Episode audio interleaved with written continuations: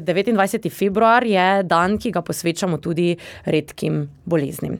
In zato sta danes z mano Teja in Maja, ki imata torej svoji zgodbi, takšni, ki spadata torej k temu dnevu, tudi doma. Danes bomo se pogovarjali torej malo o tem, kako vajno življenje izgleda in kaj pomeni to za starša, kaj pomeni to za otroka in kaj bi svetovali ljudem okoli, ki pa se s tem komaj začnejo spopadati. Tako da, Teja in Maja, pozdravljeni. Dober dan. Zdravo. Torej, imata hčerko in sina, ki imata v življenju določene težave. Če se dotaknemo najprej njunih diagnoz, torej kaj je vidova diagnoza in kaj je Evina diagnoza in kako bi to v bistvu povzeli na nek nestrokoven način. Zdaj pri obeh otrocih gre za redko genetsko bolezen, ki pač prinaša izzive eh, na vseh področjih njunega, pa tudi družinskega našega življenja.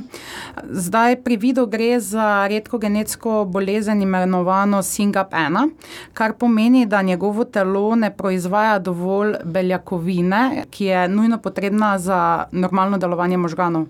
Posledično se vid srečuje z razvojnimi težavami na vseh področjih. Tukaj štejemo noter grobo, fino motoriko, potem govorno-jezikovne težave, težave na področju senzorike, razvojni zaostanek na kognitivnem področju in pa tudi epilepsija, ki je prisotna pri večini uh, obolelih z SINGAP-1.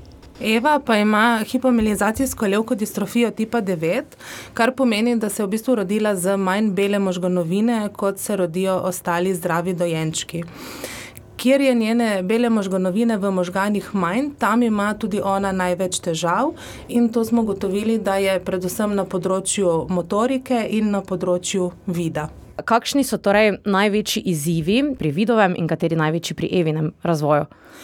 Ja, v bistvu težave, ki jih redke genetske bolezni prinašajo, so vse življenjske težave. Kar pomeni, da so otroci redno vključeni v različne terapije. In te terapije morajo biti dobre, če želimo starši te težave umiliti oziroma izboljšati ali pa celo odpraviti na nekaterih področjih. Eva je stara pet let in pol in so terapije že ena taka redna stalnica v najnem življenju. Največja težava, po mojem mnenju, s katero se starši uh, soočamo, je najti dobre terapije in ustrezne terapeute, ker ni vsak terapeut primeren za vsakega otroka. In, uh, jaz mislim, da je to ena izmed najpogostejših težav, s katero se uh, starši otrok z redko genetsko boleznijo srečujemo, in tudi starši otrok s posebnimi potrebami ali pa kakršnimi koli primankljaji ali pa težavami v razvoju. Ja, jaz se tukaj strinjam z Majo. Tukaj je potrebno res uh, predvsem poudariti to, da ni dovolj, da najdeš samo terapeute, ki so pripravljeni sprejeti otroka v obravnavo, ker je že to veliko krat problem, pa naj si bodi to zdravstveni sistem ali pa privat terapije. Uh, ampak je predvsem pomembno, da najdeš ustreznega terapeuta za posameznega otroka, ki se nekako najdeta v teh terapijah, in pa tudi, da ni vedno toliko pomembno kvantiteta terapij, kot pa v bistvu kvaliteta terapij. Naj povem, večino terapij starši vseeno najdemo sami in tudi plačamo sami, zato so tukaj kar precejšnje razlike v kvaliteti terapij, ki pač so na tržišču. No. Kako sta se Vid in Eva soočala z terapijami? Mi smo iskali uh, terapije v bistvu še pred poznano diagnozo. Pri vidu se je začelo tako, da so se začele dogajati neke manjše težave, ki smo jih pač reševali vsako posebej, brez da bi vedeli, kaj od zadaj stoji. Uh, tako smo v bistvu naleteli na prvo neurofizioterapevtko, ker. Prve vidne težave so bile na področju neurofizioterapije. Takrat smo dobili tudi prvi oris, zakaj v bistvu pri vidu gre. In um, smo gradili v bistvu od tukaj naprej. Tako so se pojavljale težave pri uh, razvoju, tako smo iskali terapeute. Zdaj, dosti krat smo tudi naleteli na terapije, ki so bile neprimerne, veliko krat pa smo tudi našli terapeuta, ki otroku ustreza, sploh videl. In lahko rečem, da imamo danes več ali manj terapevtski tim, kar dobro zastavljeno. Super, super. Kako pa pri Evi se je hitro našla v terapijah, je to pomagalo? Ja, zdaj Po mojem mnenju je treba vedeti, da je vsak otrok unikaten in lahko en terapeut, ki je za vida popolnoma ustrezen in z njim zelo lepo dela, pri Evi tega uh, enostavno ne dobiš. Ne? Um, in obratno, verjetno. Tako da najprej moraš ti kot starš otroka dobro poznati. Vedeti, katerega terapeuta mu praktično ti dodeliš, tekom njegovega razvoja, spremljati njegov razvoj in sam presojati, katera je zdaj tista terapija, ki bo za njega primerna ali pa dobra, da stopi tisto naslednjo stopničko v razvoju. Um, tako da je v bistvu en, to en tak um, vseživljenjski proces. Ne? Starš se skupaj z otrokom uči, um, kaj so tiste stvari, ki mu manjkajo, kaj je treba še dodatno nadgraditi, uh, in predvsem, da otrok vzpostavi en tak pozitiven kontakt s terapeutom, ker v končni fazi naši otroci so na terapijah vsak dan. In otrok mora v terapiji uživati, ker če ne bo užival, tudi enostavno napredka ne bo. Mi, Evi, že od začetka govorimo, da se gre igrati. In ona je enostavno to posvojila uh, in se gre danes res z velikim veseljem k vsem terapeutom, ki jih ima, igrati. Uhum. Ampak ne ve, da s tem, ko se igra, tudi praktično napreduje in zelo, zelo veliko naredi. Super. Tako da je verjetno pristop starša tisti, ki je tukaj prvi, da se najde torej pravi terapeut za določene težave. Ne? Ja, tako, pač, tako je že Maja povedala, otroka je treba zelo dobro poznati. Jaz mislim, da pri nas starših, ki imamo otroke z redko genetsko boleznijo, eh, poznamo eh, otroka do tiste mere, ko težko, težko nas otrok preseneti z čemerkoli. Ti je kar hitro jasno, uh, katere terapije ja, kateri terapeut ja, kateri terapeut ne. Mhm. Kdaj pa so se začele torej, težave pri vidu in kdaj pri Evi, kdaj so bila tista prva opažanja? To je uh, zelo zanimivo vprašanje. Kljub temu, da je pri Evi in vidu gre v bistvu za dva zelo različna otroka, je njuna zgodba precej podobna. Kdaj so se začele težave? To je precej odvisno od tega, kdaj bi me vprašali. Zdaj, danes lahko jaz rečem, da so se težave začele že v porodnišnici. Ampak danes, ko poznam celotno vidovo zgodbo z diagnozo in z vsem, takrat v porodnišnici pa sem te težave gledala pa v bistvu nisem vedela, kaj vidim. To je bil skupek enih majhnih težav, ki jim ne posvečaš pretirano pozornosti, vse izgledajo na prvi pogled eh, hitro rešljive, nič drastičnega. Ko pa ti enkrat dobiš diagnozo, se pa vse te težave, ki so se vrstile eno za drugo, nekako zložijo in takrat dobiš odgovore na vprašanja, ki si jih imel mogoče v našem primeru dve leti prej, in se nekako slika razjasni, takrat vidiš, da si v bistvu že gledal, samo nisi še vedel, kaj gledaš. Ne? Um, tudi jaz lahko rečem enako, predvsem to, da imamo mogoče stejo obe to srečo, da sta vidi neva najna druga otroka. Se pravi, imamo uh, obe še enega starejšega, zdravega otročka. Tako da jaz pri Evi sem lahko zelo hitro primerjala razvoj z njenim bratcem in sem tudi zelo hitro ugotovila, da so njene nogice pa vseeno drugačne, um, kot so bile nogice bratca, ki sem jih bila vajena. Eva je potem pri četrtem mesecu starosti doživela še en hud epileptični napad, uh, in se v bistvu s tem napadom naša zgodba šele začenja. Mhm. Stara pa sta Vid in Eva zdaj koliko? Uh, vid je tri, Eva pa pet in pol. Pet in pol. Ja. Okay, super. Morda da se ozremo malo torej na okolico, ki seveda Vida in Evo vsak dan obdaja. Kakšna je reakcija okolja in bližnjih na drugačnost vajnih otrok? Trenutno se pogovarjamo o relativno majhnih otrocih, ki sta večino časa v družbi družine in sorejencev. Um, mi imamo izjemno pozitivne izkušnje z našo družbo, ker je v bistvu Eva zelo lepo sprejeta tudi v družbi sorejenca. Predvsem gre za to, da ji otroci strašno radi pomagajo, strašno radi so zraven nje, um, so zelo empatični uh, do nje in se obnašajo v bistvu zelo lepo. Mogoče bo to v prihodnosti drugače, ampak zaenkrat je okolica izjemno pozitivno naravnana.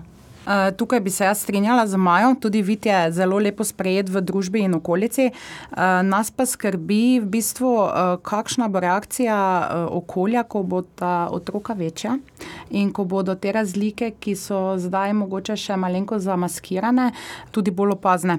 Zdaj, kot starš otroka z redko genetsko boleznijo, se nekako naučiš, da se z prihodnostjo ne obremenjuješ preveč.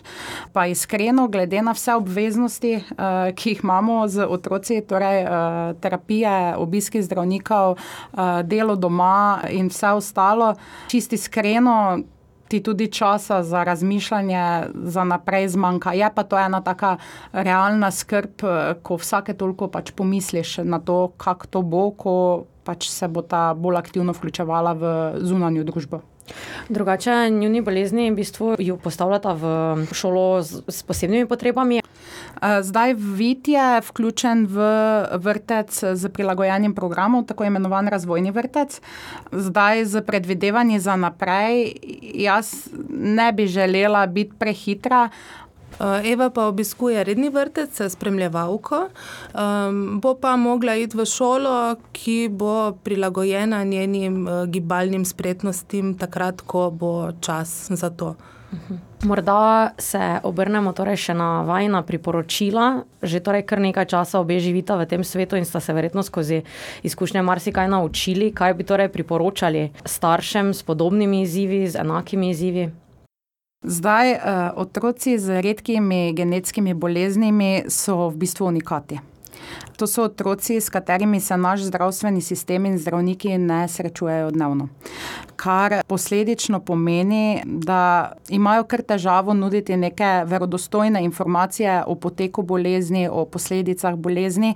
Veliko krat se srečujemo z tem, da tako kot starši, tudi zdravniki v bistvu ugibajo, predvidevajo, kakšna bo prihodnost otroka, ker nekih verodostojnih podatkov, študij in podobnega še pač eh, ni na voljo. Eh, res je, jaz bi predvsem rekla, da nikoli ne izgubiti upanja.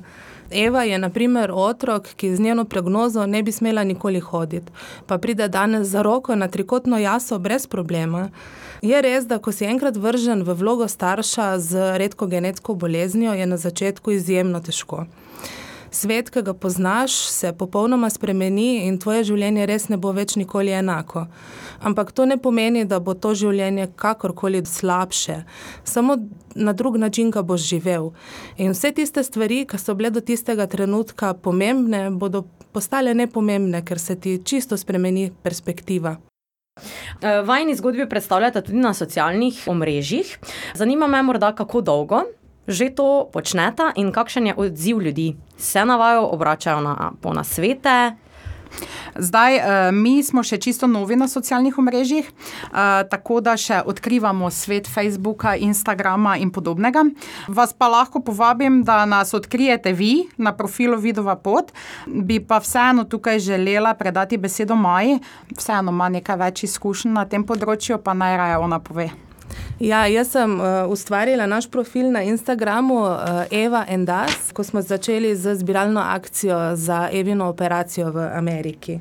Hitro se pa je izkazalo, da je ta profil prinesel še veliko več, kot je bil njegov prvotni namen. Jaz vem, koliko bi takrat meni, ko smo bili na začetku naše poti, pomenilo, če bi obstajala že ena družina, ki bi pokazala delček njihovega vsakdana, kako oni vse to doživljajo. Jaz vem, da bi bilo takrat meni veliko lažje. Zato sem se v bistvu tudi takrat po končani zbiralni akciji odločila, da nekako obdržimo ta profil.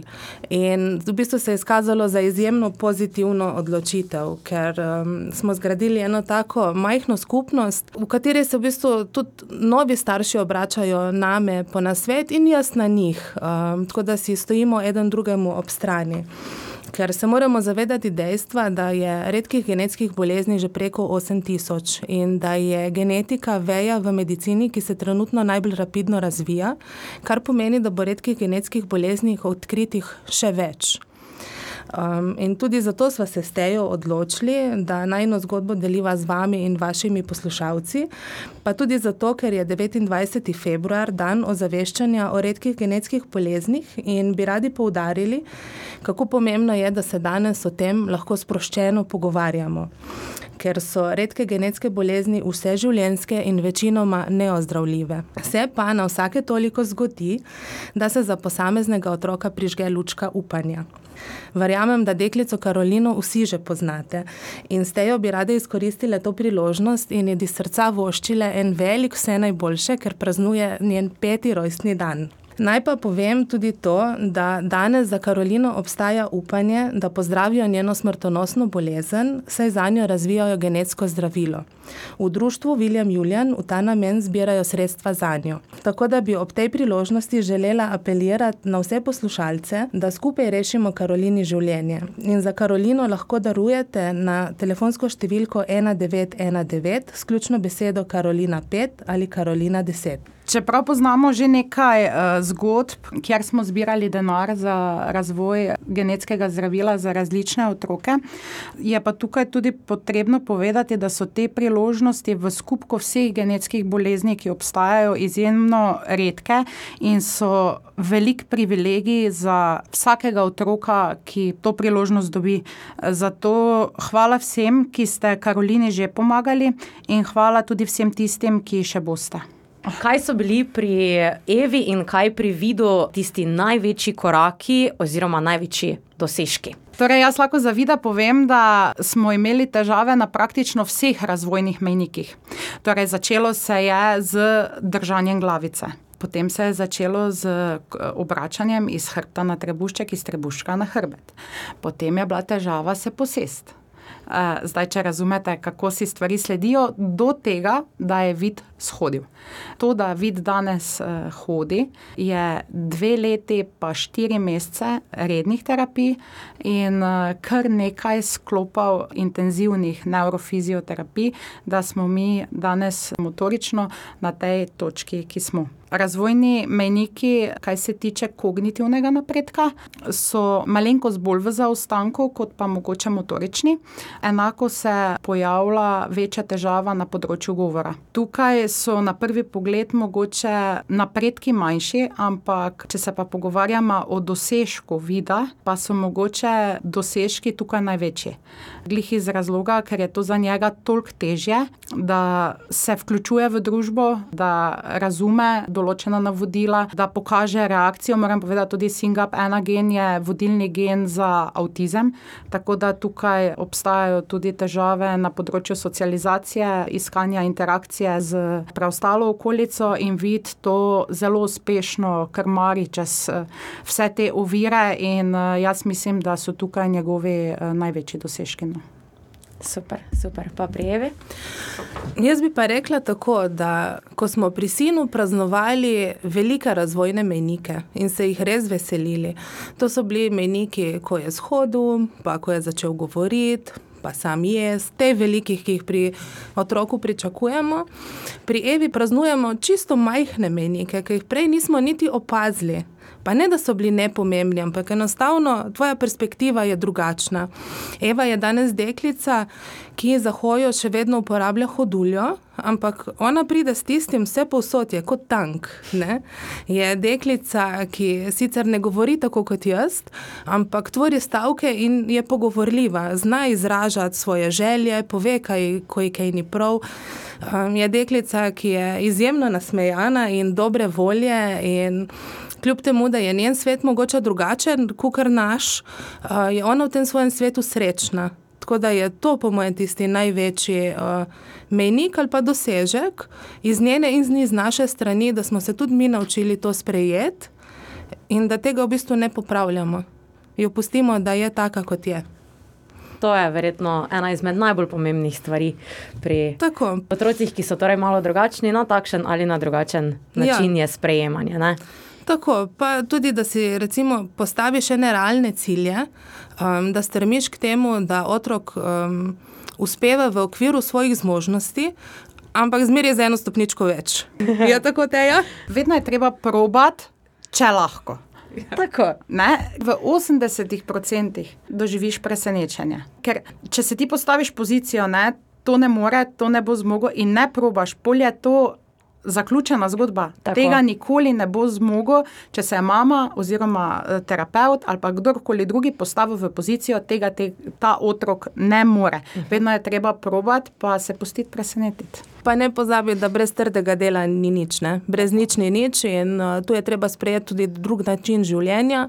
Uh, z otrokom je treba delati in delati in ponavljati in pol so vidni rezultati. Pol se da, pol se da res uh, toliko, da smo v bistvu bili presenečeni nad svojimi lastnimi otroci, koliko se da.